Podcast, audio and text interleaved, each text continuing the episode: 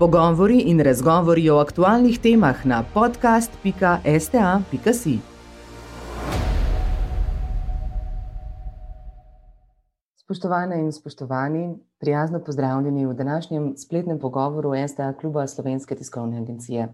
Ob zagonu novega fact-checking projekta, NEA, projekta preverjanja dejstev, smo v sodelovanju s predstavništvom Evropske komisije v Sloveniji pripravili spletni pogovor z naslovom Kje iskati pravo resnico, ki tako poteka ob današnjem mednarodnem dnevu preverjanja dejstev. Čeprav nikoli doslej ni bilo toliko medijev in drugih virov informacij, se zaradi poplave lažnih novic in dezinformacij še nikoli ni bilo težje dokopati do resnice. Kakšno je stanje na področju dezinformacij in lažnih novic v Sloveniji, kako se s porastom širjenja lažnih novic v času pandemije COVID-19 spopadajo preverjevalci dejstev in ali je razkrivanje dezinformacij ter lažnih novic boj z mlini na veter, so le nekatere vprašanja, na katere bomo skušali odgovoriti skupaj s sogovorniki. Zelo sem vesela, da so danes z nami. Mr. Štefan Fos, dolgoletni novinar in vodja skupine za preverjanje dejstev na nemški tiskovni agenciji DPA, ki je ena vodilnih neodvisnih tiskovnih agencij na svetu. Štefan, hello. Dobro dan iz Berlina. Z nami je tudi Zarja Muršič, komunikatorka znanosti in znanstvena novinarka. Pozdravljeni. Pozdravljeni. Pa Katarina Bulatovič, novinarka spletnega portala Oštro. Dober dan. Živijo, hvala za vabilo. In pa Nataša Pirc-Musar, nekdanja informacijska pooblaščenka in strokovnjakinja za medijsko pravo. Lepo pozdravljeni. Pogovor poteka v živo, sklepni del pogovora pa bo namenjen tudi vprašanjem novinarjev in tudi gledalcev, ki jih lahko posredujete med samim pogovorom na elektronski naslov klub STA, afna.sta.si. Gospa Pirc-Musar, če greva kar na uh, vaše prvo vprašanje, kakšno je trenutno stanje, če pogledava širše na področju dezinformacij in lažnih novic doma v Sloveniji? Ali je pri nas lahko stanje primerljivo ali je še slabše kot drugje, če mogoče se dotakneva napade na medije, ustvarjanje nekakšne sporedne realnosti na Twitterju in drugih družbenih omrežjih? Kako bi primerjali Slovenijo z drugimi državami? Po mojem mnenju, Slovenija ni nič boljša ali nič slabša kot primerljive države v naši sredini, torej, če predvsem Evropsko unijo pogledamo. Mislim pa, da se vsi skupaj zavedamo, da je verjetno neke poplave lažnih novic in pritiskov na medije trenutno več v državah, kjer je na oblasti desna politična opcija. Pa nič ne bom tukaj trdila, da eh, so eh, na levici kaj dosti boljši. Menim pa in sem prepričana, da se ne motim, da so, kadar so na oblasti, manj agresivni v tem početju. Um, Slovenija se, po mojem mnenju, premalo zaveda tega, da imamo tudi v naši državi težave z uh, lažnimi novicami. Uh, sem pa vesela in zadovoljna, da vendarle tudi pri nas nastajajo projekti, takšen kot je vaš na STA, portal Oštro, pod črto, necenzurirano, pika si. Skratka, kar nekaj medijev se vendarle je začelo ukvarjati tudi s preverjanjem novic. Mislim, da je bila ta prva, ki je dobila en tak projekt, no, Metina lista, tam se spomnim, da sem zasledila nek tak meter tega, koliko je lažnih novic, predvsem v politiki. Zdi se mi izjemno pomembno, da se kontrolira verodostojnost izjav ravno v politični sferi. Namreč ta je z vrha piramide nedvomno, po mojem mnenju, odgovorna uh, za um, kulturo dialoga, kamor seveda agresivnost pri podajanju lažnih novic nedvomno spada. Namreč politika se pa, po mojem mnenju, premalo zaveda te svoje odgovornosti, uh, predvsem pa tudi večkrat sama v javnosti slišim, uh, kaj nam pa morejo, ne, saj, če politiki lahko, lahko tudi mi. To je pa tisto, kar je pravzaprav najbolj nevarno za ne samo slovensko družbo, ampak za vsako razvito demokracijo. Toliko morda z moje strani za uvod. Poglejmo v nadaljevanju kar uh, k sosedom, kako se lažnih uh, informacij, njihovega razkrivanja, preverjanja dejstev lotevajo na nemški uh, tiskovni agenciji DPA. Stefan, you have a long career in journalism and had the fact checking group at the German press agency DPA, one of the leading independent press agencies uh, in the world. How does the DPA go about disclosing misinformation and checking facts? Um, thank you for your question, uh, Martina. Um, yeah, we have we have a quite a long experience of doing fact checks. Um, started in around 10 years ago, just partly fact checking politicians. That's what we first did. Is the claim right? Is he right? Is she right? But we later on realized that uh, a lot of disinformation, misinformation is being spread on social media. Social media, which is far away from a traditional news agency. Because a news agency, like in Germany, doesn't have directly readers or audience. Yeah? The audience and readers are by our clients, newspapers, radio stations, so on. Uh, that's one thing. But nevertheless, we started fact checking and built up a, quite a huge team. We are about 30 fact checkers now, and we are um, publishing fact checks in six European countries. So that's how we step by step established it. And I guess the main reason for this was like um, um, democratic reason. We see the huge problems around disinformation coming up from the, for example, the corona pandemia, and that millions of people are misled, misinformed, fooled. And this is just a challenge uh, for journalists, as we the same see at, at DPA, and thus it's, it's a daily work for us um, to do. What kind of fact-checking network have you established? Uh, to what yeah. extent is fact checking possible, even possible in a press agency environment where speed is of the essence? Yeah, that's a good question. I mean, uh, we're always asked like speed and pressure. Uh, if you're working, you know it, Martina, if you're working for a news agency, you are used to pressure. Yeah, but fact checking is different. Fact checking and, and daily pressure, that's this doesn't go together. It's impossible. There can't be like a, a date, a, a timeline. Four o'clock, this story has to be on the wire no, if you haven't got the reaction from authorities, from whatever, from expert, you, you will have you have to send it the next day. That is very important, and this is different from news engine journalism. Yeah. Um, so we have to find a, way in between. But once again, uh, fact, fact check, as I always say, is more kind of a journalistic assessment.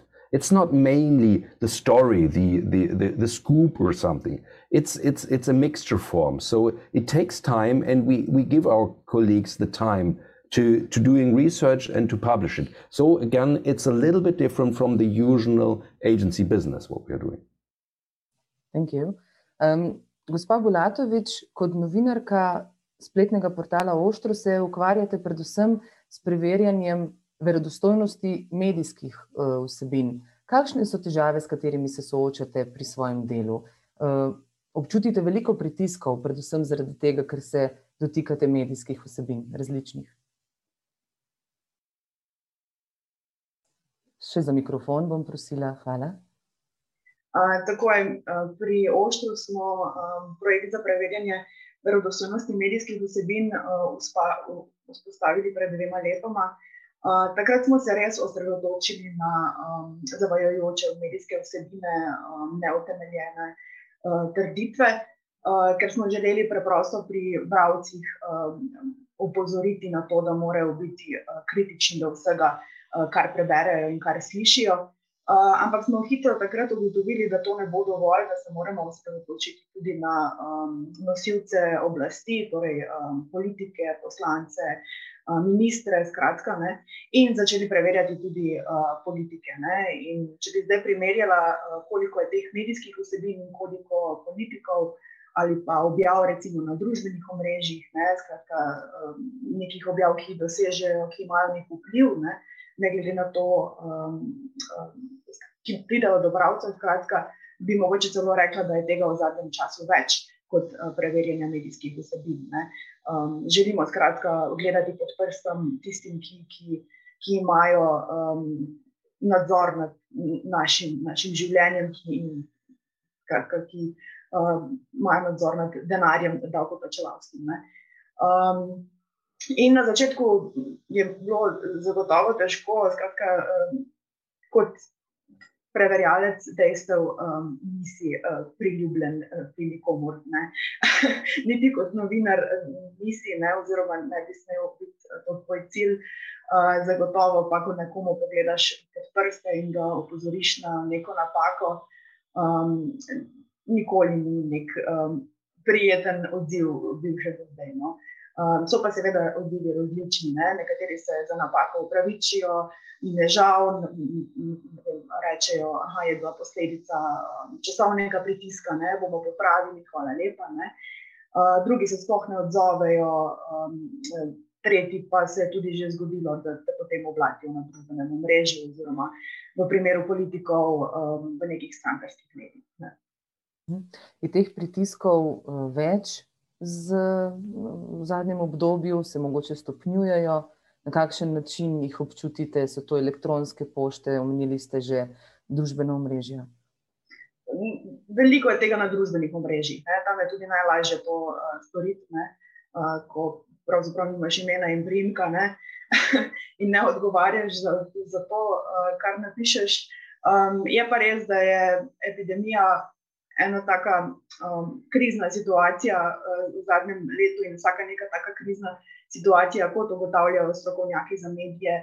Uh, in pa tudi ostali preverjalci dejstev, um, zagotovo um, spodnesajo tla dezinformacijam. Uh, pri nas uh, je bila še ta situacija, da se je ravno v tem času um, menjala slovenska vlada ne, uh, in um, število dezinformacij, nekih zavajojočih, neutemeljenih trditev um, od politikov, od funkcionarjev, um, tudi v nekaterih medijih so v zadnjem letu. Res šli v nebo, no? um, in res v tem času smo se res spraševali, okay, kdo bo vse to uh, preveril. Ne? Uh, rabimo celo vojsko za to. Ne? Mhm. V bistvu se je 1. april razširil na več dni uh, v letu. Celo leto. Žal, zgubil pomen. Uh, gospa Muršič, tudi Svetovna zdravstvena organizacija je opozorila, da je pandemija sprožila infodemijo. Tudi Evropska komisija je v poročilu o boju proti dezinformacijam o COVID-19 opozorila, da je pandemija ustvarila neke ugodne razmerje, razmere za širjenje neresničnih informacij. In prav te so v zadnjih mesecih zlasti povezane s cepivi, s cepljenjem proti COVID-19, in obenem so usmerjeni v zmanjševanje zaupanja v cepiva, v cepljenje. Kako se boriti proti tem eh, dezinformacijam? To je zelo dobro vprašanje in res je, ja, pandemija je uh, sabo prinesla tudi infodemijo, še posebej zato, ker je naenkrat postalo ogromno znanstvenega in medicinskega znanja dostopnega praktično vsem in vsi so želeli nekaj sporočiti. Um, pokazalo pa se je mogoče tudi manjko, jaz bi to rekla za Slovenijo, no, uh, čeprav smo se kar dobro izkazali, um, manjko poznavanja, kako deluje znanstveno novinarstvo in kaj znanstveno novinarstvo sploh je in kako pokrivati znanost uh, za širšo uh, javnost. Ne. In v tem letu in pol, recimo, uh, treba je vedeti, da znanost nima vedno čisto dokončnih odgovorov in da se lahko s novimi podatki, ki jih pridobimo, stvari tudi spremenijo. Ne. Hkrati pa so recimo pomembne politi politične um, osebe, kot je recimo bil bivši ameriški predsednik, tudi delile veliko recimo zelo obetavnih idej o tem, kaj bo tisto zdravilo, ki bi recimo pomagalo to krizo prebroditi. In z vsem tem ustvari, smo ustvarili, oziroma se je ustvarila ogromna zmeda o tem, komu zaupati, komu ne zaupati.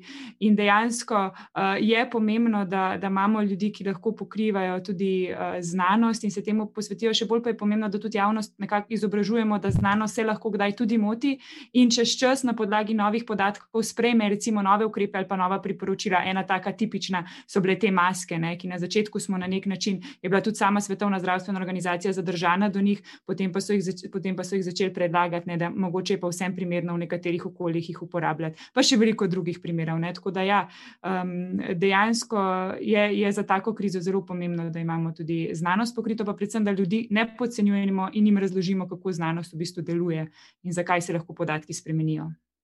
Kako bi bila ta znanost lahko bolj slišana, bolje slišana? Na trenutke se zdi, kot bi potrebovala znanost v zadju in močan marketing, da bi prišla bolj glasna uh, do širše javnosti. Um, še eno dobro vprašanje, na katero ne vem, če imam jaz čist uh, pravi odgovor, kako bi bila bolje slišana. Predvsem bi opozorila na to, da se, da se je izkazalo v pandemiji, da dejansko obstaja. Um, Nek delec ljudi, oziroma nek delec raziskovalcev, znanstvenikov, jaz ne sodim sicer med njimi, sem pa se pač učila iz njihovih prejšnjih del, iz pre, predpandemskih del o epidemiji. In sicer obstajajo ljudje, ki so se prej ukvarjali z nalezljivimi boleznimi. In se mi zdi, da ravno ta manjša skupina ljudi je, je izgubila glas, da bi dejansko oni povedali, kaj se nam dogaja. In oni imeli um, večkrat bili v medijih, kot pa mogoče kakšen drug znanstvenik, ki je bil pa bolj uspešen pri tem svojem PR-u, pa manj uspešen pri tem, da bi dejansko zelo dobro poznal to področje in kaj se nam dogaja. In to, da pa dobro poznaš neko področje, pa seveda pride iz desetletij um, ali več študija na nekem zelo oskem področju, ne, na, na poznavanju nalezljivih bolezni. Tako da mogoče je bil to tudi mal problem tega, kaj je vloga znanstvenikov, znanstvenic v tem obdobju, oziroma vseh, ne, in kako ojačati glas tistih, ki dejansko poznajo to področje, ne, ki so se z njim ukvarjali tudi takrat, ker mogoče ni bilo tako aplikativno, kot je sedaj, ne, ampak so zgolj preučevali nekatere nalezljive bolezni, bolezni na nekem mehkem delcu sveta, kjer so se še pojavljali ali kaj podobnega. Tako da. Uh, Hvala lepa. Gospa Pirc Musar, kako doseči, da bo javnost razumela, kdo so verodostojni mediji, kateri so tisti, ki širijo um, neka uh, zgolj politična stališča in služijo širjenju tem političnim stališčem, pa diskreditaciji kritikov in drugače mislečih. V bistvu, kako naj uh, človek išče resnico, v katerih kanalih naj išče. Imamo nek odgovor, ki ga lahko ponudimo tistim, ki iščejo odgovore na uh, svoje vprašanja pri verodostojnih verjih. Ja, to je pa verjetno ena najtežjih nalog, ne, s katerimi se sooča današnja družba.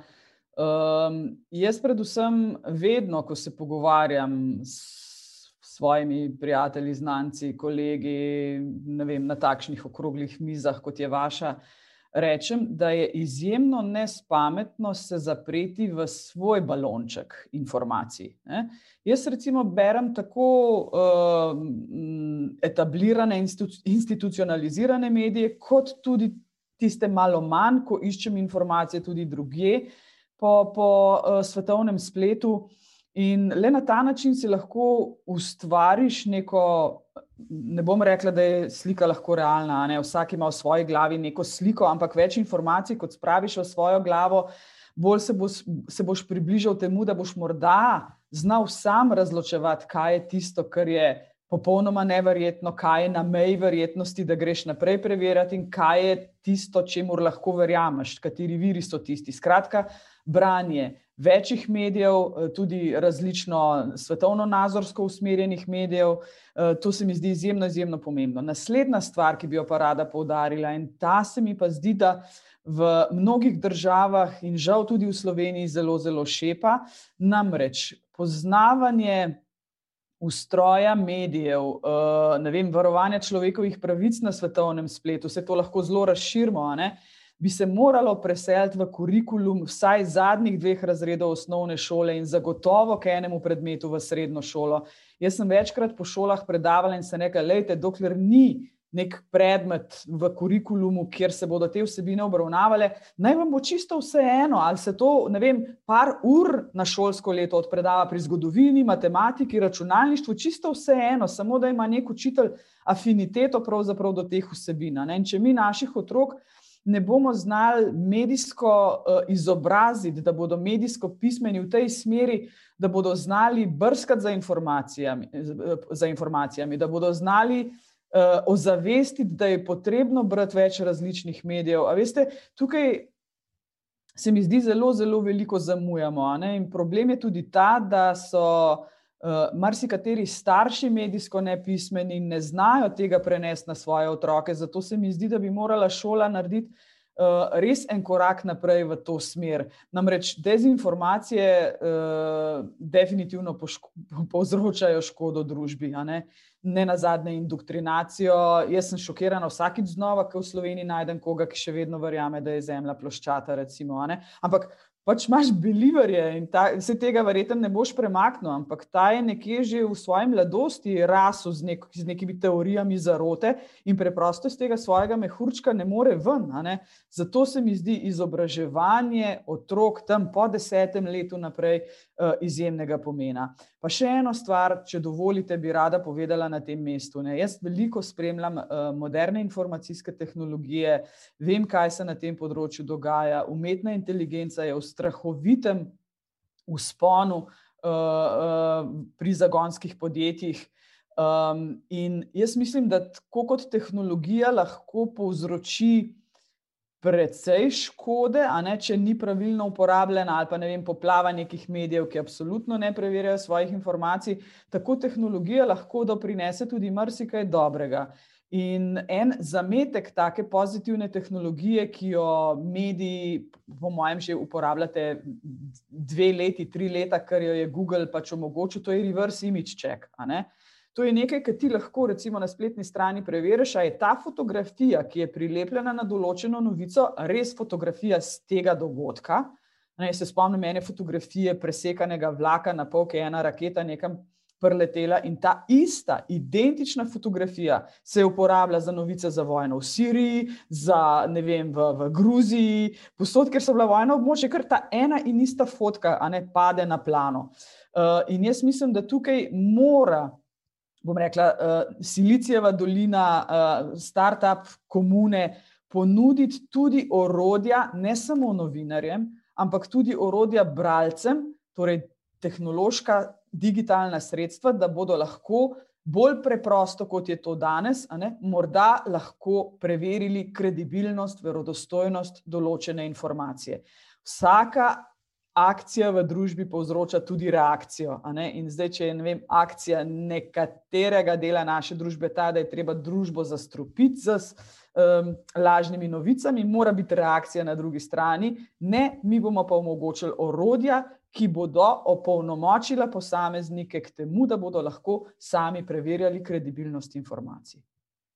Je pa verjetno pomembna tukaj tudi motivacija vsakega posameznika, ki iskanju uh, ne, verodostojnih informacij, ker na vse zadnje je verjetno vsakemu posamezniku, ne vsakemu, ampak um, nekaterim posameznikom je najlažje sprejeti črno-belo resnico, ki je nekje naslikana, veliko več pa je potrebno vložiti truda v iskanju verodostojnosti nekega vira. Najlažje je absolutno verjeti v nekaj, ampak to nikoli ni dobro. Vedno je treba relativno verjeti. In ta relativnost pomeni, preverjaj, beri, izobražuj se. Zato je šolski sistem pomemben. Hvala lepa. Mr. Foss, um, are your fact checks the subject of attacks? And uh, if they are, uh, from whom do you feel there are more pressures on fact checkers in Germany in pandemic time right now? Um, before I answer your question, Martina, I would like to add to Natasha. I have to admit I didn't get all of the points, but at least some some words like. Um, uh, to me, like uh, I guess Natasha, you were talking about re research techniques like uh, uh, image reverse and other things. And um, I understood work like Silica Dolina, which I guess is Silicon Valley. I guess is that right?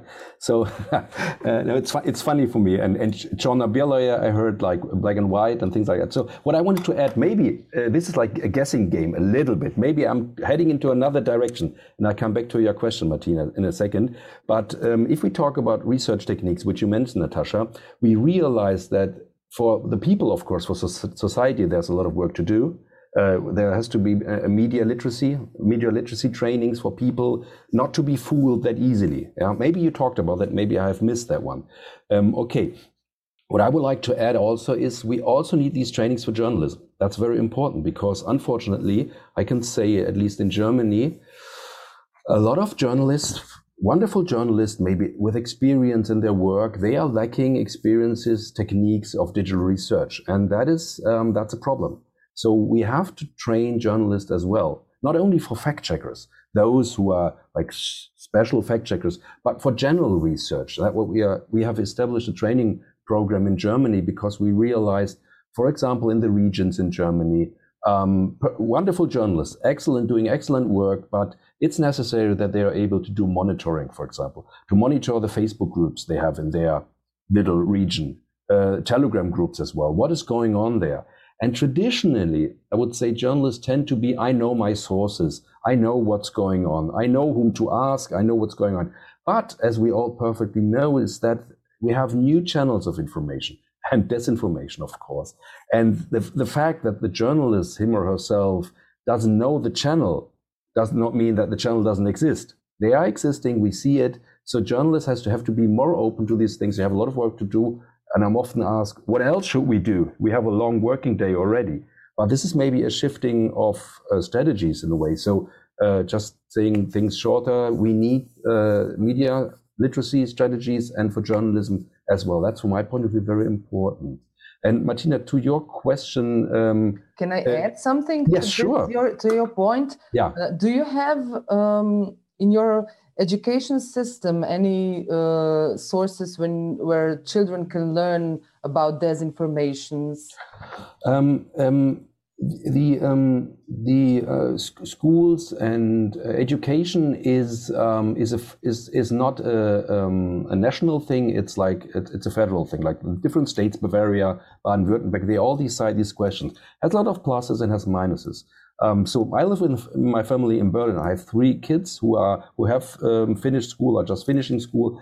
I doubt if they have ever heard of the site order in, in Google, site colon and things like that. I doubt it. So there's a lot of work to do. That's what I'm talking about, especially. Of course, younger people are more familiar with, and it's it's a lot more difficult to fool a young woman or a young uh, boy to fool them with the things people of my age are being fooled generally. Yeah, it's because of course the younger generation is more in these things, but nevertheless the techniques, uh, image reverse search, the the fantastic Wayback Machine, for example, uh, the, the, one of the greatest thing on internet I, I know uh, where you find deleted uh, uh deleted material, deleted websites. No, I would just if, if, I don't I don't have an overview for Germany, but in general, saying there could a lot of be maybe maybe teachers are reluctant concerning maybe teachers don't like uh, don't like platforms whatever, so they have to be educated. No, there's a lot of work to do in Germany, a lot of work, which is very very important. But once again, not only for the younger, but also for the middle age and elder for everyone. So I sometimes I'm sometimes joking that, and this is just only my personal view. There's no research and no scientific knowledge behind it. I have the expression that we are still in the 20th century, somewhere stuck concerning media literacy, um, uh, digital research, and we have the year, if I'm not wrong, 2021. So, but still stuck somewhere in wherever. So no, a lot of work to do, definitely. Okay, thank you. And now back to my first question. Yeah, your question: um, Are we are we um, are we attacked? Um, mm, no. Yeah. Yes and no. We are. We we have the maybe the privilege. We are um, a big news agency, so we have like uh, we we are in a certain position. And what is very important for us, we are totally independent from state. We are very proud of it. We are owned. Die Deutsche Presseagentur. It seems to be Deutsche. Seems to be like uh, from the state. No, we are uh, we are owned by 100, more than 150 media outlets in Germany. And that is, I was always, when I started in 98 being a journalist, I uh, started working for DPA in Kiev, Ukraine.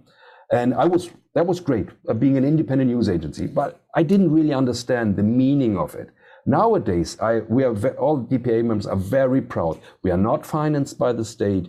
We are not told what to write. We have nobody in our in our um, in our leading who's however so nobody tells us what to do and that is a privilege it's difficult financial situation so on but that's a privilege so of course we are accused that we are uh, working on Merkel's order and all these things which are but we can be saying no sorry we are private we are a private company so um, yes we are attacked there are attacks they try to attack us but uh, I know that like, like minor fact checking unities, smaller ones, are a lot more attacked in other countries as well. So if we compare ourselves to, let's say, frankly, fact checking units in the Philippines or in other countries, in Brasilia, we don't have any problems at all in relation. Yes, they're trying to attack us, they're trying to, to threat us, to sue us.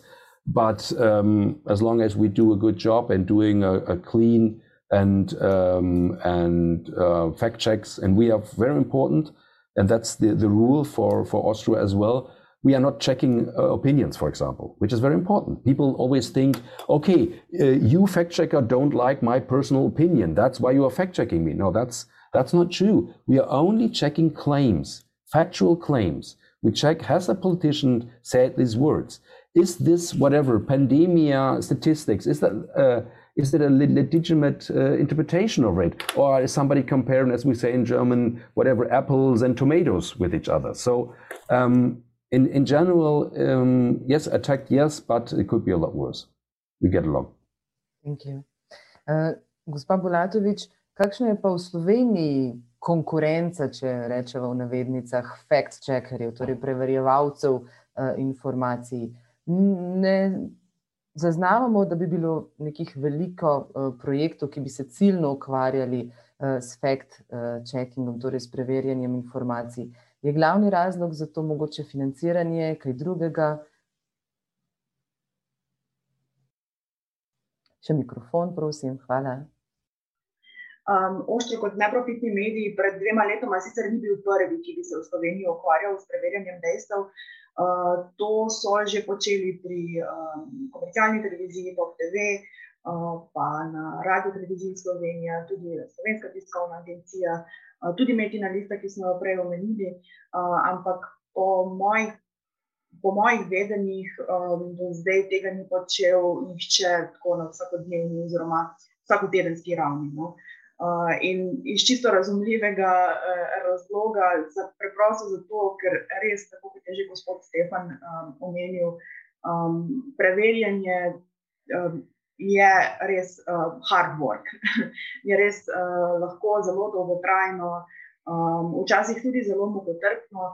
Um, sploh pri uredniških procesih, kot jih imamo pri Oštru, se pravi večkratno branje, večkratno preverjanje uh, za vsakim avtorjem um, in um, pridobivanje odzivov, um, pridobivanje um, več različnih mnen. Um, skratka, ko se ne zadovoljiš samo z enim uh, strokovnjakom, potrebuješ še enega raziskave. Um, zagotovo ni um, na ključe, da, da, tega, da se s tem ne ukvarja nihče drug. Um, vemo, da uh, imamo vsi mediji uh, težave, uh, tako z neki, neko finančno stabilnostjo, um, kot s kadri. Um, probleme pa tudi um, ta časovni pritisk. Um, mediji delujejo na to, da si želijo vedno več v čim krajšem času, um, to pa pri preverjanju dejstev preprosto ni mogoče če želiš delati to na čim bolj celovit način in če se želiš čim bolj približati tistemu nekemu približku resnice oziroma nekemu, nekemu celovitemu izdelku. Je pa tudi težko, ko pride novica v javnost, bi bilo dobro, da bi v bistvu bila že preverjena, ne? oziroma da bi bil nek odziv na njo že pripravljen, ker potem, če je odziv prepozen, včasih sploh ne doseže um, te široke javnosti, za katero bi želeli, da jo doseže. Se bi strinjali? Res je. Ja. Uh, tem, uh, to je tudi moj nekako pomislek, s katerim se vedno znova ukvarjam. Um, zakaj to sploh delamo, če včasih ne dosežejo uh, tistih nekih, bom rekla, posameznikov, družbenih skupin, uh, ne vem. Uh, dela družbe, ki bodo še vedno, ne glede na tvoje uh, trdo delo, ne, ki si ga vložil v nek izdelek, uh, še vedno verjeli, da um, je. Ne vem, da je zemlja ploščata, kot je prej omenila Nataša, ali pa um, ne vem, um, kakorkoli, da, skratka, da koronavirus ne obstaja, da, da, ni, da, da ni dokazov za to, da, da bi bil nevaren, da bi bil to nevaren, nevaren virus. Ne. Um, to je vprašanje, s katerim se ukvarjamo. Uh, in jaz mislim, da, tukaj, um, da tukaj ni nekih enoznačnih rešitev. Um, to je tek na dolge proge, po mojem mnenju. Uh, absolutno sem od nekdaj se zauzemam za to, kar, je, za kar, se, kar je že Nataša omenila, za obvezno uh, opismenjevanje um, otrok v osnovnih šolah. Um, trenutno je to zgolj izbirna vsebina, se pravi, vzgoja za medije. Um, učijo se iz 15 let starega učnega načrta, uh, kar je problematično, glede na to, da vemo, kako zelo hitro se splet in uh, mediji spremenjajo. Uh, in upam si trditi, da šole so tukaj odpovedale in um, da bi morala biti vzgoja za medije absolutno uh, obvezna učna vsebina v osnovnih šolah. Um, je pa tudi mogoče to ena naša odgovornost, nas, nas vseh. Ne, um, da preprosto um, vsak po najboljših močeh, kolikor lahko, uh, podpre tiste medije, ki jim vsaj približno, bom rekla, zaupa um, z nakupom, donacijo ali naročnino. Ne. To se mi zdi zelo pomembno, ker Um, kakovostno novinarstvo res um, ni več samoumevno. No? In uh, se bojim, da se tega vsi premalo zavedamo, ne samo otroci, tudi odrasli. Um, in če ne bomo um, odprli in se zavedali sami tega, um, se bojim, kakšne bodo posledice. No? Mr. Voss, uh, Mr. Voss, you wanted to add something? Yeah, uh, I hope I, I, got your question right to Katarina concerning uh, concurrency, competition. Was that also mentioned? Also, yes. Yeah. Um, may, so, but mostly financing is the financing yeah, prob yeah. the problem of fact checking. Yeah, yeah. In, um, uh, of course, especially for, for independent media outlets or for new grown, like like we have uh, um, in Germany as well, uh, grown and great, great colleagues. What, what I want to add, if I'm, if I may, um, one fantastic thing about fact checking is there is no competition between fact checkers, or there shouldn't be, that, because there are other other goals and other ideas, and uh, it's it's like supporting each other. Like Austro would be an ally of DPA in fact checking uh, because we are signatories, and that is very important. This is something new for for media outlets. Often, like we are not looking on the other scoop somebody has, and so it's more like uh, supporting each other. And also, one, one goal is to avoid disinformation. And that's a difference in a way. If, if some, a fact checker finds out that something or whatever, as we do, if, if, if I find out that this is a lie, this is not true, I can warn others, I can tell others. So, in other media outlets, do not follow this false way in a way. So, so just avoiding disinformation, avoiding mistakes. So this is a new thinking for, for journalism. And I appreciate, I'm not naive. Uh, journalism always costs money. And especially fact checking is, is a lot of work, as Katarina said. But once again, there are new ideas, new cooperation, new alliances in this in this way, and maybe also because we have like other donors, money from outside. Like we have the platforms uh, who are financing projects. We have um, the European Union, for example, financing things because they realize the damage which is done. So once again, new alliances are possible, which for me is a is a good is a good development. Thank you. Uh, gospa Pirc Musar, ali je sploh še mogoče razmejiti med objavami na družbenih omrežjih in objavami v medijih? Uh, recimo, kaj so glavne platforme za širjenje dezinformacij, najbrž družbeno omrežje, ki smo jih danes uh, že omenili, in ali so tradicionalni mediji bolj verodostojni, kaj lahko o tem poveste, zakaj ja, zakaj ne, če uh, dodamo ime uh, samega projekta NEJA v to vprašanje. Še mikrofon, prosim. Ja, pozabila se, upravičujem. Uh, jaz mislim, da gredo danes mediji in družbena omrežja zelo z roko v roki, predvsem pri razširjanju uh, lažnih novic. Uh, Zdaj, neki uh, kredibilni mediji, no, kot jim jaz rečem, uh, pač za seboj nimajo podpore uh, anonimnih trolov na družbenih omrežjih, kot to lahko opažamo pri nekaterih. Uh, drugih medijih, ki si mnogi niti ne zaslužijo imena medija, ne, ampak verjetno ne bomo danes konkretno o tem govorili. Namreč, kakšen model jaz danes opažam? Nek majhen medij, da ne bom rekla obskuren medij, ne, objavi neko informacijo ali pa nek politik na blogu, v desetih minutah ta informacija pride na dva, tri večje medije uh, v, v Sloveniji z, desne provenience. Ne? Žal tam ne več tega opažam, no moram reči.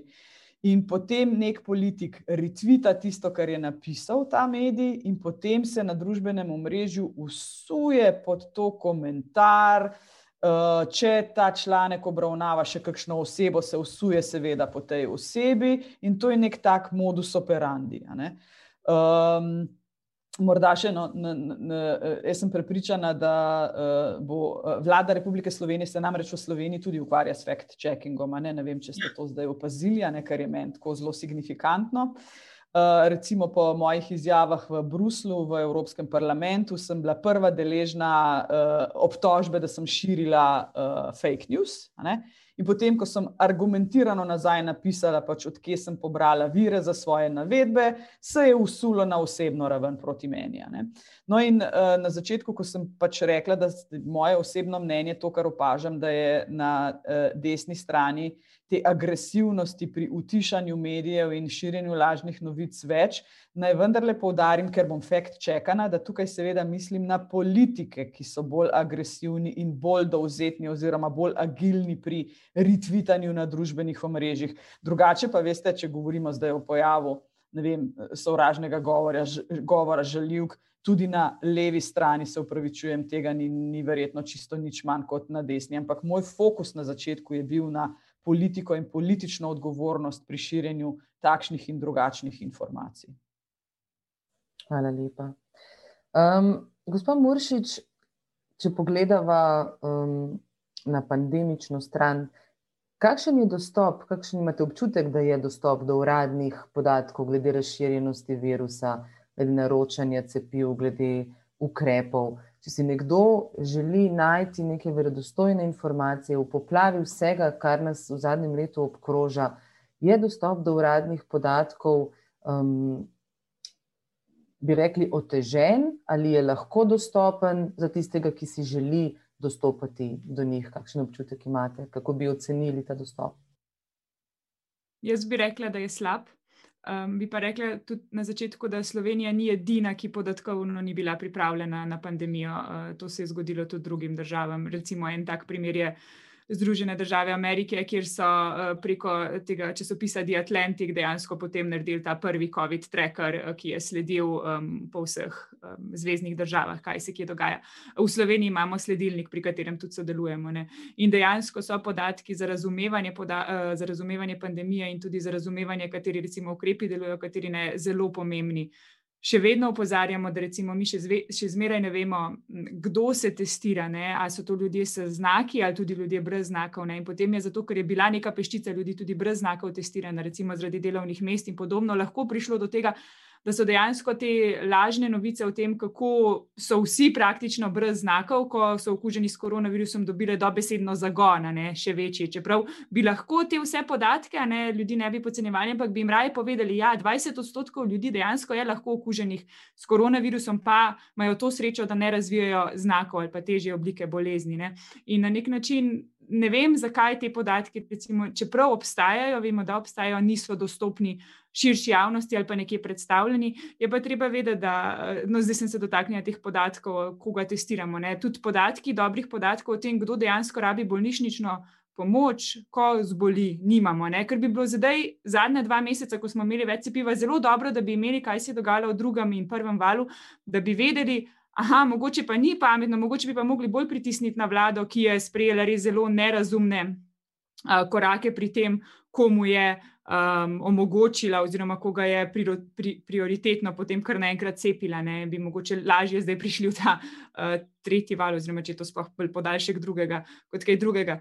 Um, tako da, ja, te podatke so zelo pomembni, mislim, da je dostop slab. Zdaj je sicer nije za nekako, recimo, saj za cepljenje pripravil nek portal, kjer lahko spremljamo, kaj se dogaja, ampak vseeno bi, želela, bi želeli, no, tudi na sledilniku, da bi te, dostop, te podatki bili tudi vsem uporabnikom dostopni v neki strojno brljivi obliki, da si lahko vsak sam pogleda, kaj se dogaja. Pri tem pa ni dovolj, um, tudi mogoče bo neka taka stvar, ki nas zdaj čaka v prihodnosti, podnebne spremembe, podnebna kriza tam bo tudi ogromno zelo pomembnih podatkov na ravni lokalno države, pa tudi na ravni recimo Evropske unije in svetovno, um, ki bi morali biti dostopni čim večjemu številu ljudi. Pri tem pa rabimo tudi ljudi, ki bodo znali to interpretirati in narediti dostopno ljudem. Ne? Ni dovolj samo imeti podatek, pomembno, kot je že prej gospod Fos, mislim, da omenil nekaj na ta, je tudi ta interpretacija podatkov. Ne? In zato pa seveda potrebujemo mnenja raziskovalcev, raziskovalk, ki te podatke poznajo že iz preteklosti in pa potem ljudi, ki znajo to čim bolj uspešno uspešno s širšo javnostjo skomunicirati.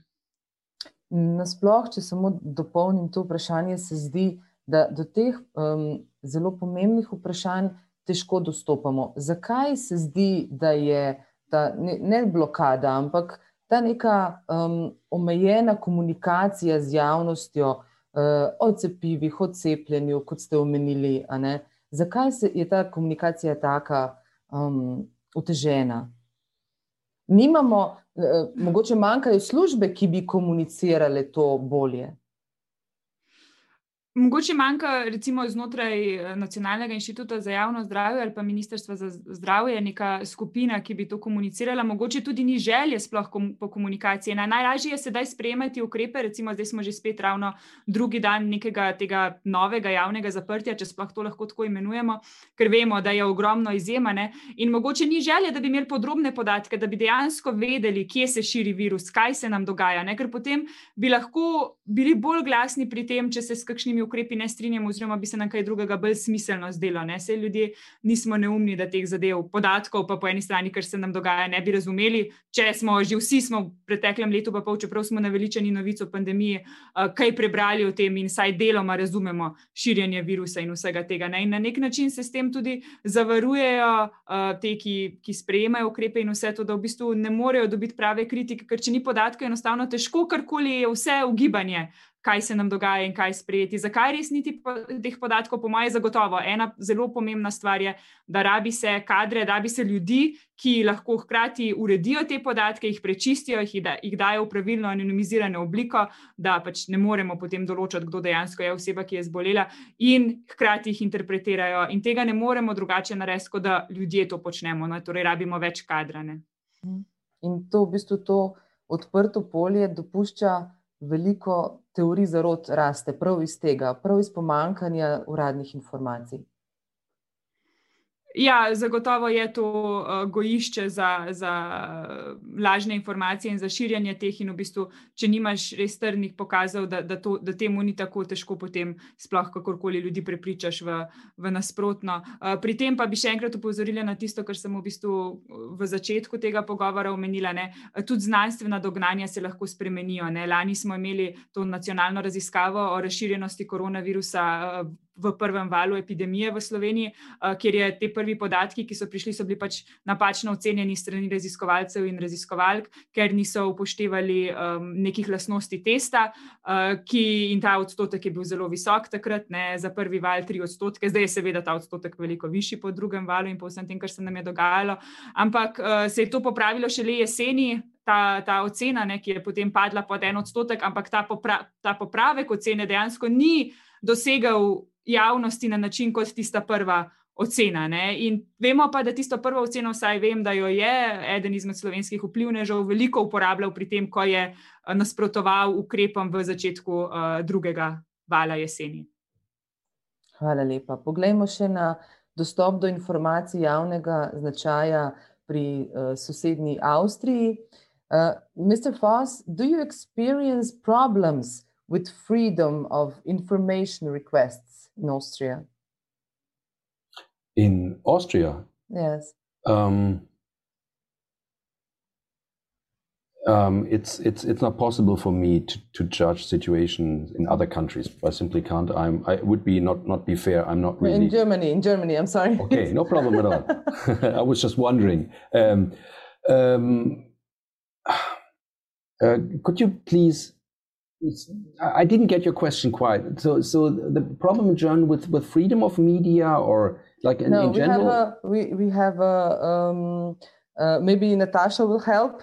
Uh, she was uh, she was the the leading of that uh, of that uh, uh, work with the question. Yes, Stefan, I can I can explain. It's yeah. like access to public information laws yeah. around European Union offer different variations on, on, on how fast you can get the information, what the appeal procedures are. And mostly, even uh, in you know, media sometimes have to use freedom of information laws to get yeah. certain information from yeah. from public sector bodies.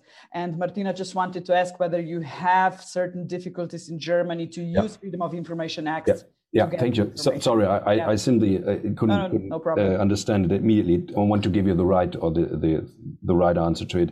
Yes, they are. They are. Uh, we, we are. Um, so I, I, can't compare our law to your your laws, um, but uh, there are, of course, certain. Um, uh, rules for that and for journalists to gain information from authorities, from uh, from min, from ministries, and so on. And yes, yes, they are. Of course, that's that's a, typical like um, acting of of powers in a democracy. Uh, uh, the whatever the ministry of whatever has to deliver the information. They don't want it. They have arguments on that. We always have discussions, and there's also the the, the, the legal way, um, and often um, authorities are sued in Germany, so they are they are forced to to to give um, to um, to publish or to give information to journalists.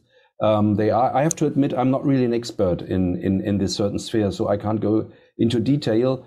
But um, usually we have these act of freedom. But I think a lot of journalists are not even aware of their rights. That's another question. Um, once again, I'm not doing this research, but I know from other colleagues who I'm, I'm familiar with, they say, hey, you as a journalist have a lot more rights than you assume if they tell you you won't get this information or you will only get it in six weeks or something, that this is against the law. So, um, once again, uh, there could, there's a lot more possible in Germany, but authorities try, of course, to to hide information from journalists.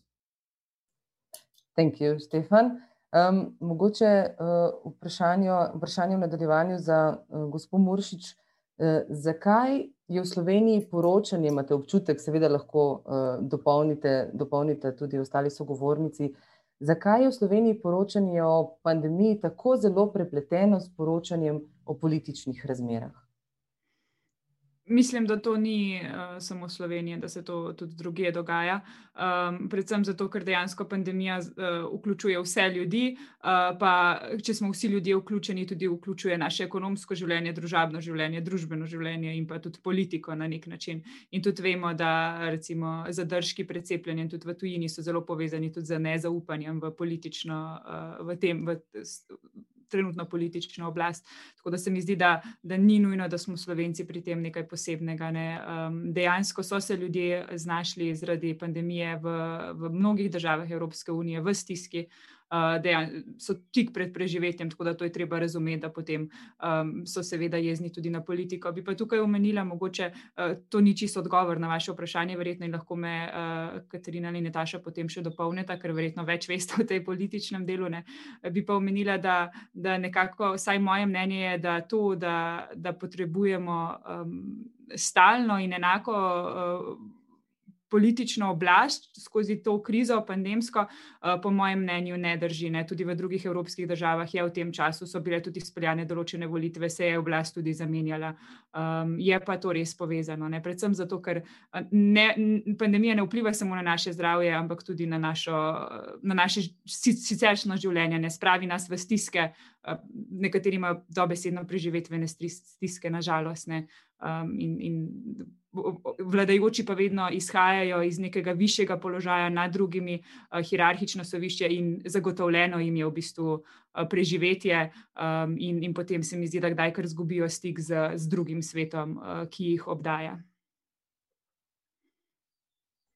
Hvala lepa, boste dopolnili mogoče. Ja, uh, izvoli. ne, ne, kar, Katarina. Uh, jaz bi rekla preprosto zato, ker uh, tako opozicija kot koalicija vsako krizo, in to velja tudi za slovensko vlado, in tudi za trenutne pandemične razmere, um, izkoriščata za svoje lastne interese ne, in utrjevanje oblasti. Ne. Um, tukaj Slovenija ni nobena izjema, mogoče celo nasprotno. Um, predvsem pa, kar mogoče velja za slovensko trenutno oblast, um, ukrepe, ki jih je sprejemala in ki jih še bo um, je izrazito slabo in veliko krat škodljivo uh, skomunicirala z javnostjo. Uh, in upam si trditi, da je to vplivalo tudi na zaupanje um, državljanov, na to, um, kako nevaren je sploh ta virus. Um, Zakaj bi neke ukrepe sploh um, upoštevali, in zakaj ne. In to velja tudi za tiste, ki, ki so smiselni in zdravstveno podprti. Um, in zato je to še toliko bolj pomembno, ne, da, da, skratka, da, se, da se v teh kriznih časih um, gradi, da, da bi gradila oblast na nekem zaupanju z državljani, ne pa um, na tem, da um, nekako uh, spušča v njihove kosti uh, neko strah, uh, nek strah in neko slabo vest, ne, kar se dogaja uh, pri nas. Ne. Ja, če lahko še jaz dodam. Ne. Zakaj so pravzaprav uh, uh, ljudje nervozni, zakaj uh, ne sprejemajo ukrepov tako, kot bi si vlade želele. In tukaj se strinjam z Arijo, da Slovenija ni, imun, ni, ni edina um, država, ki se ji dogaja rekla, nek revolt javnosti. Uh, namreč gre za posege v temeljne človekove pravice. Nam se omejuje svoboda gibanja, nam se omejuje svoboda zbiranja. Uh, mi imamo policijsko uro, mislim, da najdaljšo v Evropski uniji, ki traja že šest mesecev. Ampak tukaj pa moram pristaviti lonček k Katarininem razmišljanju, da je osnoven problem komunikacija tistih, ki nam vladajo, kako predstavijo določene ukrepe. In eh, jaz bi uh, dva primera morda povedala, zakaj ljudje ne, uh, tako reagirajo na ukrepe vlade. Verjetno ste zdaj le slišali v Španiji. Ne, v Španijo je dovoljeno, da turisti uh, pridejo, se sprehajajo po, tam, po, po plažah, uživajo kot turisti domačinom je pa prepovedano potovati in, in iti vem, iz enega španskega kraja v drug španski turistični kraj. In sem ravno zadnjič nek, ne, ne, na kateri televiziji gledala, ko so mimo idoče po španskih ulicah sprašvali, kako se jim to zanimalo. So bili vsi zaprepadeni, zakaj zdaj tujci lahko pride, jaz pa ne morem iti iz Barcelone v Madrid. In pri nas je tudi včasih nekaj takih ukrepov, ko se res sprašuješ, se upravičujem, kdo ima tu koga za norca, pa a jaz res česa ne razumem. Ne? Recimo zdaj zadnji ukrepi v, v, v, v lockdownu, ko sem se res spraševala, ja, za božjo voljo, ne? vlada je dovolila, da so odprte trgovine z urami, zlatarne morajo biti zaprte, in potem se jaz vprašam, kaj pa če zlatarne prodajajo ure, a ne so potem lahko odprte, potem spet moramo imeti maske v zuni, vse razumem, nosim masko, ampak če greš pa na zeleno površino z biciklom, ti maske ni treba imeti. Skratka, ta nekonsistenca ne, pri, pri eh, sprejemanju ukrepov, potem seveda pri obrazložitvi posameznih ukrepov, da ne govorimo o tem, ne, da zdaj mi ne smemo čez mejo, imamo spet popolno prepoved gibanja, ker ni uh, sploh pristojnost države, mene država ne more prisiliti, da ostanem znotraj, kvečemo mi druga država, lahko reče: ne, ne smeš ti k meni. In potem ministr Hojs nonšalantno reče: ja, plačajte kazen, pa boste šli lahko čez mejo. Veste, to je pa ne samo nonšalanca, to je pa ignoranca prava. Ne? In to pa zdaj mene kot pravnico seveda boli. No in zdaj vsem, ki me poslušate, ki poslušate v to, v to oddajo, naj jasno in glasno povem. Nima policist pravice zahtevati, da kazen plačate takoj. Lahko vam da plačilni nalog, potem imate pa vi 8 dni časa, da se odločite, ali boste plačali polovičko ali boste vložili zahtevo za sodno varstvo. Ne? Ampak itak je ta izjava ministra Hojsa popolnoma deplasirana. Ne? In ta problem komunikacije se kaže seveda tudi v tem, da politika žal ne posluša stroke da se izloči tiste strokovnjake, ki so morda pretirano glasni, ki upozarjajo, celo predlagajo, da je določen ukrep uh, neprimeren, nepotreben. Ne? In ta komunikacijski šum med državo, med vlado in ljudmi, ki moramo spoštovati ukrepe, je žal vsak dan večji. Hvala lepa. Zdaj pa vprašanje v bistvu za vse, pa najprej za gospoda um, Fosa. To what extent has trust in the media and the journalists been eroded by false information and contributions spreading on social and other media in the service of promoting political positions and discrediting opponents? Um, that's that's a good question. I mean, there's often a, a mixture. People believe that like social media is a kind of media as well, a traditional media. So there's no distinct between. Uh, we have we had a survey in Germany. People were asked, "Do you trust regional regional newspaper? Do you trust radio, television station? Do you trust uh, Twitter and Facebook, so on?" So this is all often things are mixed together. So um, mm, what we experienced in the Corona pandemia is that the trust in traditional media has grown in a way. Although there's, of course, the, the society is deleted. There's one part, I don't know how much it is, um, a, a, smaller part of it is just just uh, following um, obscure theses and claims. But uh, the, the majority of people realize how important traditional media is, the way they work, how they inform people. So I would say, generally saying, um, the, the trust is, is rising. But uh, once again, it's it's the work of journalists to to cover this information, to write fact checks, to help people. Because what we see is in, in Germany that a lot of questions which rose in Facebook groups, Telegram groups, once again, uh, have nothing to do with journalists' work. So millions of Germans are asking themselves questions by those claims, and they do not find answers. Yeah, because once again, the journalists do not even think about this, this, uh, this ideas, these positions.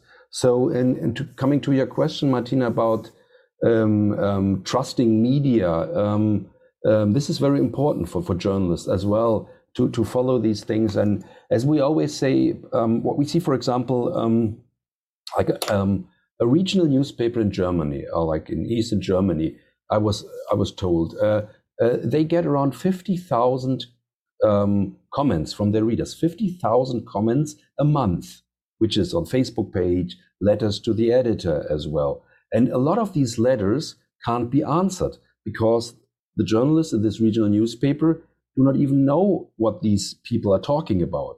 And that's, I understand it perfectly. So this is all counting in, in trust measurement, trusting media.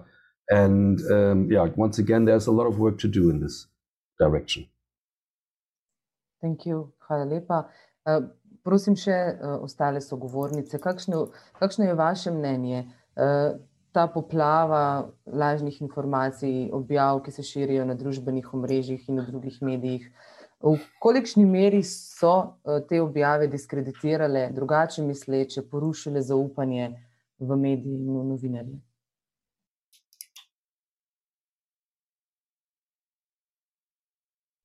Mm, sem, sem mislila, da bo Katarina.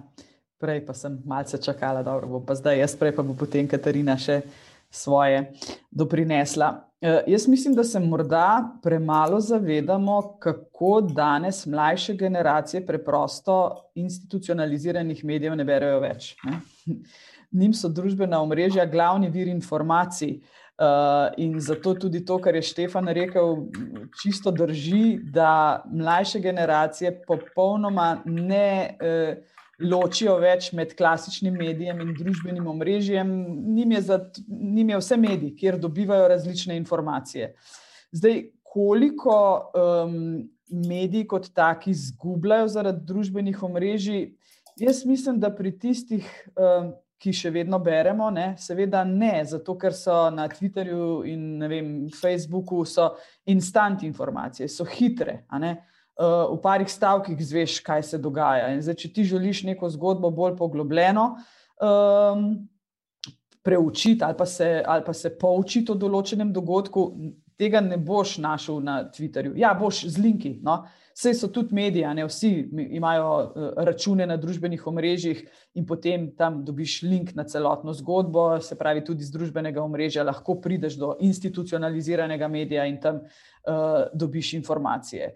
In jaz mislim, da se mediji um, morda, tako kot sem rekla, premalo zavedajo, da nove generacije, pa glavnino, medij, glavnino informacij, vendarle dobivajo samo tam. Ne se, se trudite, vsi ste na družbenih omrežjih, vsi poskušate z nekimi flash newsi uh, v tej dobi hitrosti, v katero vstopajo tudi mlajše generacije, podati določeno informacijo o dogodku tudi na družbenem omrežju. Problem, ki pa tukaj seveda nastaja, pa je, da ima klasičen medij in družbeno omrežje seveda čisto drugačen ustroj delovanja.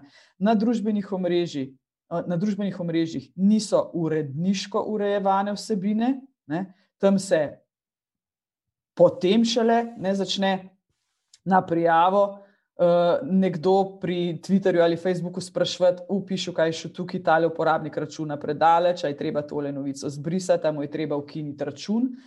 Uh, institucionalizirani mediji, kredibilni mediji, pa vendarle imajo svojo uredniško politiko, ne, ki je filter pri onemogočanju širjenja lažnih novic, zavajajočih novic. Ampak spet, ne, uh, Štefan me bo tu verjetno zelo hitro dopolnil, uh, da je stvar kredibilnosti medija in predvsem urednika, kako in na kakšen način izobražuje novinarje pod seboj in kakšno uredniško politiko je sprejel. Mislim, da se danes vsi mediji zavedajo tudi sledečega. Namreč največja poplava lažnih novic, pa danes o grobih žalitvah sploh ne bomo govorili, se dogaja na forumih pod posamezno novico. Ne. In jaz že nekaj let govorim, da morajo tudi forumi postati uredniško urejevane vsebine. In to se nam zdaj dogaja, da Evropska unija, ne vem, če bo čas, da bomo spregovorili še kaj o tem, ne, da Evropska unija opaža, da samo regulacija preprosto ni več dovoljšna. In zato v Evropski uniji, pa ne samo zaradi medijev, nastajata dva izjemno pomembna akta: akt o digitalnih trgih in akt o digitalnih storitvah, ki seveda iz soft regulacije prehajata v hard regulacijo. Skratka, tudi Evropska unija in Bruselj je v določenih segmentih pač rekel, da je vrak odnesel šalo, predvsem pri odgovornosti platform, ki so v zasebni lasti. Hvala lepa, gospa Bulatovič. Kako zajeziti te lažne informacije? Je razkrivanje dezinformacij in lažjih, lažnih novic boj z mlini na veter? Na neki način so se že dotaknili te tematike, ne, ta razkorak med, med čas, časovni razkorak. Novica je bila plasirana, oziroma neka informacija je bila plasirana, in potem čas, ki je potreben, da se to informacijo uh, preveri. Uh, imate občutek, da je to boj z mlini na veter, ali vendarle bomo prišli v, um, v neko razmišljanje o tem, da uh, je potreben čas, da se te informacije preveri in da na nje počakamo. Ja, o tem uh, sem sicer govorila že prej, in um, zagotovo ni to edina ali pa najboljša rešitev. Um, ima številne pomankljivosti, je pa zagotovo delček uh, k mozaiku, ki ga lahko damo ne, uh, za izid, ne, poleg, poleg neke obvezne medijske pismenosti, spodbud kakovostnemu novinarstvu, um, regulaciji ne, in tako naprej. Ne. Um, včasih se sprašujem, ne, ali je to boj z mini na veter. Sploh, ko pogledam, um, kdo, da, skratka, da eni in ta isti se odzivajo na naše objave, na določene. Ne, in se sprašujem, kako priti do uh, tistih, ki um, verja, verjamejo, da, um, vem, da cepljenje povzroča neplodnost in tako naprej. Ne, skratka, um, ki verjamejo dezinformacijam. Um, kar se pa tiče učinka. Uh, lažjih novic, eh, kar ste spraševali prej. Um, jaz se spomnim, da smo pred petimi, šestimi leti, ko je zapresegal Donald Trump eh, kot predsednik uh, Združenih držav Amerike, nekako začeli intenzivno ali pa bolj intenzivno govoriti o dezinformacijah.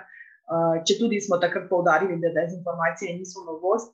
In spomnim se, da so takrat ameriški mediji ne, uh, dejali, da je uh, Donald Trump um, blagoslov uh, za novinarstvo. Ne.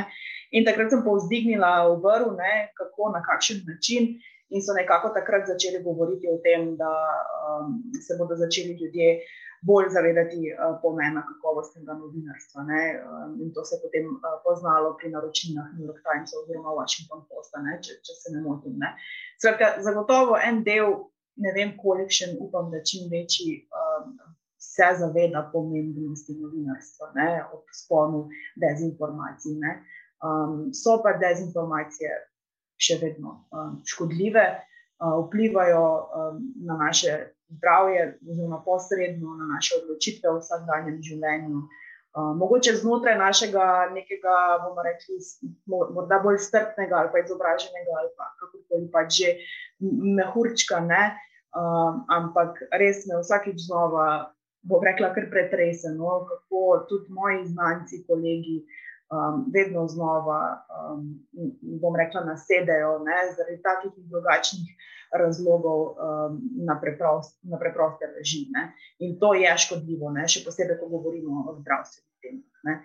Um, zato je, kot sem že dejala, in pa bom še enkrat povedala, tako zelo pomembno, da začnemo sistematično izobraževati otroke v osnovnih šolah o pomenu medijev, o pomenu digitalizacije in da um, damo svoj mozaik in prispevek uh, k dobremu novinarstvu torej demokraciji, ne, kot radi vedno rečemo, eh, tudi svojim prispevkom, bodi si z naročilno donacijo um, ali nakupom, izjemno pomembno. Imamo tudi uh, komentar pri našem pogovoru, gospa Marinka. Uh, v bistvu na nek način sprašuje, oziroma uh, trdi, bom prosila za kratek komentar, mogoče Katarino, zakaj se nam plasira samo ena stran resnice, v navednicah, Narod bi rad slišal tudi drugo stran, bodo novinari prevzeli moralno odgovornost. Hvala. Uh, ne razumem točno, za katero stran, uh, o kateri strani govorimo, ampak očitno je poslušalka, gledalka prepričana, da se plasira samo ena stran resnice. Moralno v tem pogovoru ali na splošno? Ne, ne, na splošno. Na splošno. Um, najbrž je govorila o pristranskosti medijev. Um, je zagotovo to problem, ne samo slovenskega uh, medijskega prostora, ampak uh, na splošno, ker smo ljudje, ker smo novinari tudi ljudje in nas včasih. Um, Se moramo včasih kar bojevati sami s sabo in svojo profesionalnostjo, da sledimo dejstvom, ne pa tistemu stališču, ki je nam kakorkoli že v katero koli uh, smer uh, bližje. Um, ampak ravno preverjene dejstev je tisto, in k čemu smo tudi zavezani z um, lastnim kodeksom pri Oštru, da nimo in pa um, s kodeksom um, mednarodne organizacije za preverjanje dejstev. Ne? Da pač preprosto moraš dati svoje predsotke, svoje stališče na stran, ko preverjaš, in da te morajo zanimati dokazi um, in um, najboljši približek resnice, no, karkoli že, kako bolj smešno se to že sliši. Um, tudi ko, ko uh, bi včasih potihoma rad, da, da, um, da se izkaže za nekaj trditev, da drži, oziroma da ne, ne drži, ne, ker ti je tako ali drugače bližje. In ravno zato je uh, uredniški proces tako zelo pomemben, ne, da, greš, uh, skozi, da greš skozi več um, oči um, določen prispevek. Ne. Hvala. Zdaj pa vprašanje, ki bi ga naslovila tako na, um, na gospod Bolatovič, kot najprej na gospod Muršič. Vprašanje novinarke Sare Volčič. Zanimajo, če imate kakšen primer dezinformacij, na katere ste naleteli v času pandemije, ki bi ga bilo vredno izpostaviti. Bilo jih je veliko. Uh, ne vem, če bi kateri bi si res uh, zaslužil izpostavljanje. Katarina, imaš mogoče ti kakšnega um, tazga, um, ki ti pade takoj na pamet? Je bilo jih res veliko. No? Mogoče um, zadnji primer, o katerem smo poročali na Oštru, je primer uh, medijskega poročanja, tudi ne samo slovenskega, na splošno svetovnega, o cepivu AstraZeneca, um, kjer so se, bom rekla, ne bom rekla, ne lažne novice, ampak kjer so nekako mediji s svojim poročanjem, ki je bilo sicer korektno, prilivali ogen um, ali pa dodajali uh, ogen k, temu, uh, k tem dvomom v to cepivo, ne, ki pa ni bilo, um, ki, v katerega so se začeli veliti dvomi, kljub mnenju uh, stroke. Um, Da je to cepivo, oziroma ne bom rekla, varno, zaradi več, več o tem kot jaz, ampak um, da je skratka um, da se je varno cepiti z njim, oziroma da je več prednosti pri tem cepljenju no, s tem cepivom. To je mogoče samo nedavni primer, um, kjer se je res videlo, kako uh, lahko mediji oziroma javnost, uh, pa tudi politika, načeloma v, delu skrha um, um, zaupanje v nekaj tako pomembnega, kot je cepljenje oziroma javno zdravje. Je pa bilo teh uh, lažnih novic res, res veliko, od um, tistih začetnih, um, da je to enako kot gripa, um, da je to, oziroma da je primerljivo z gripo, um, kar so številni preverjalci dejstva, oziroma tudi mediji ostali dokazali, da, da, da, da to ne drži, da bolezni niso primerljivi, oziroma virusa. Um, veliko tega. No? Jo, omenila bi mogoče še te, ki bi, bi lahko bile dejansko nevarne in so bile v nekaterih primerih že spet v Združenih državah Amerike. Uporaba različnih farmakoloških sredstev, ki so temeljila zgolj na nekem poročanju enega zdravnika ali pa še to ne, um, so tudi lahko, dejansko imajo lahko posledice za zdravje ljudi, potem, ne, ker uh, se izkažejo kot ne, uh, neugodne. Ne. Tudi pri nas je bilo kar nekaj promocije za različne ta ta zdravila, ki, kjer se je potem v teh boljših raziskavah dejansko izkazalo, da nimajo učinka, te so lahko tudi bolj taka, da imajo res negativne posledice. Uhum. Imeli smo primer v bistvu celo, če se prav spomnim, primer navajanja ameriškega predsednika o enem izmed teh razkožil primernih za boj proti COVID-19. Zdaj pa mogoče vprašanje za uh, gospod Pirc Musar. Epidemija je prav tako vprašanje novinarke. Epidemija je ljudi zaprla v stanovanja in skoraj edini stik, ki so ga ljudje imeli s svetom, je bil prek medijev. Ali se mediji danes zavedamo odgovornosti, ki jo nosijo? Kaj bi bilo potrebno storiti, da bi mediji izvajali svoje poslanstvo? Kajti veliko krat mediji tudi prepisujejo od enega drugega in včasih se celo izgubi stik z osnovnim virom informacij. Ja, sej, to je problem. Ne? To je velik problem, problem tudi fact-checkinga. Uh, jaz mislim, da se veliko novinarjev in medijev zaveda svoje odgovornosti, ampak na koncu trčimo še v en zid, ki se mu reče pomankanje sredstev, pomankanje novinarjev.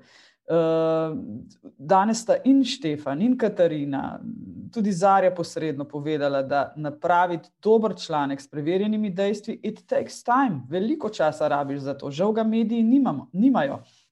In jaz mislim, da je um, tukaj mesto, ki ga mora pa zapolniti nacionalna radio televizija. Največ napadov, pa ravno v današnjih časih, gre proti nacionalki, ki pa je edina zaradi svoje mašinerije, ki jo ima, in števila novinarjev, sposobna danes izdelati dobre preiskovalne zgodbe. Uh, moram reči, da se sicer uh, uh, um, veliko medijev trudi, tudi ne, recimo Focus na PopTV, pa že prej omenjeni portali pod črto in, in ne, uh, ostro, zagotovo. Uh, ampak nacionalna televizija bi to morala početi ne projektno, ampak vse čas. Ne. Uh, zavedanje odgovornosti je seveda ena stvar, prvi korak, ne, da se zavedamo tega, oziroma da se novinari zavedajo, ali pa vsi, ki govorimo v medijih, da se zavedamo tega, da um, nas ljudje poslušajo. Uh, drug korak je, seveda, koliko tega si lahko posamezen medij privošči, in tam pri mnogih že pade ne, ta uh, drugi korak, v, korak nazaj na prvega, in tam pač preprosto ostaneš. Ne.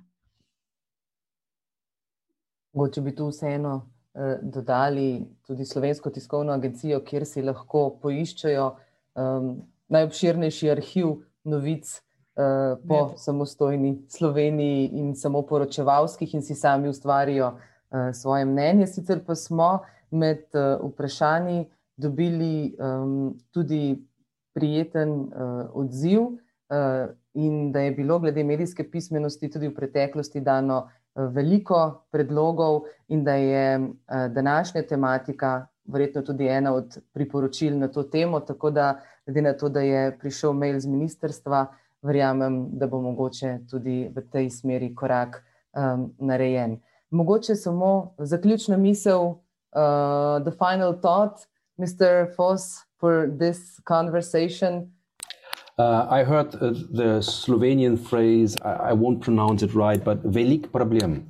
Uh, uh, I would I would add not only uh, problem velik, but also op opportunities velik means um, uh, as, as always saying yes they, they, they, they are these these challenges and, and it's it's it's a common re- common words i'm saying but i always try to encourage my my teams. There's a lot in it for journalists for society in that because I, am I'm, I'm a historian by uh, by my university grade and i i'm on an optimistic in this occasion i mean. So this is difficult for, for society difficult for journalism but we'll get out of it. I'm sure that society will learn from the situations, will will do its homework, and um, maybe it's my hope, but also I'm confident in this. There, are, yeah, there are. Um, uh, there are great opportunities in this occasion, and we'll have to go that way. So that's those are my my last words, and I want to say um, uh, and thank you very much. And I also would say pozdravляю с днем, uh, с днем fact-checking. So congratulations for fact-checking day to all of you. Thank you, Stefan. Uh, veliko problemov in veliko priložnosti je v slovenščini. Veliko priložnosti, priložnosti. ok, I got it. Thank you, thank you, Stefan. Še zaključne misli mojih sogovornic, mogoče, uh, če začne Katarina Bulatovič niso torej uh, boj z mlini na veter, preverjanje informacij, ampak si želimo, da je to naša prihodnost in velika priložnost, kot je Štefan omenil. Ja, meni so sicer eh, ob enem rojstnem dnevu zaželeli, da ne bi imela dela, ne, v tem smislu, da ne bi, uh, da ne bi bilo dezinformacij, sploh, ne, da, ne bi, da ne bi se rabila s tem sploh ukvarjati, da bi um, počela kak, kaj drugega v novinarstvu. Uh, bojim se, da se to ne bo tako zelo hitro um, uresničilo. Um, kot sem res že povedala, jaz mislim, da izzivov je res veliko, no, kot je um, povedal Stefan. Uh, jaz mislim, da je pomembno, da se novinari zavedamo svojih napak, svojih pomankljivosti in da jih nekako neprestano poskušamo izboljšati z izobraževanji. Uh, tudi z nekimi novimi um, tehnologijami, kot je govoril um, naš nemški gost. Um, javnost pa res um, nas mora podpreti, ker um, drugače preprosto ne bomo uh, preživeli. Um, in to bo imelo posledice za vse v, v družbi. Zarja Muršič, zaključna misel. Ja, jaz se bom malo vrnila na tisto, kar ste prej govorili tudi o družabnih omrežjih, morda zato, ker sem um, na njih kar veliko prisotna in vseeno imam upanje, da lahko tudi preko njih dobimo kvalitetne in dobre informacije. Res, res pa se je treba naučiti razbrati, katere so to, torej komu slediti. Jaz sem ogromno o sami pandemiji izvedela od Instagram influencerjev, ki so znanost komunicirali na Instagramu, recimo tudi preko TikToka in Twitter, niti različnih raziskovalcev in raziskovalk, tako da ni tako brezupno. Pa spomnila bi tudi na to, da um, lažne informacije niso nov fenomen, ne obstajajo že kar. Uh, več stoletij, ne? tudi v španski gripi so se obstajale skupine, ki so, niso želeli nositi maske in podobno. Ne? In um, seveda upam, da novinarstvo in uh, javni mediji in uh, sploh javnost tudi začne slediti temu in ceniti vse to, kar dela, delate, delamo uh, z daljšimi in, in pač v. Izobrazimo tudi ostale, zakaj je to pomembno in na kakšen način se boriti proti temu.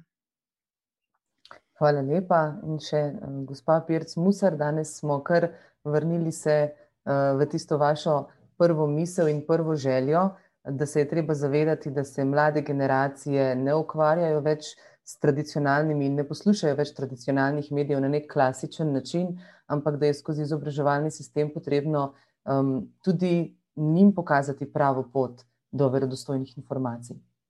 Predvsem pa naj gre moja zaključna misel v smer, da se moramo vsi skupaj zavedati, da lažne novice vedno nastajajo iz nekega koristoljubja, ali političnega ali ekonomskega. Če bomo imeli vsi skupaj ta filter v glavi, bomo znali uh, sami lažje prefiltrirati um, ta negativen pojav fake news uh, v družbi. No, zaključni stavek je, zato je seveda potrebno izobraževanje.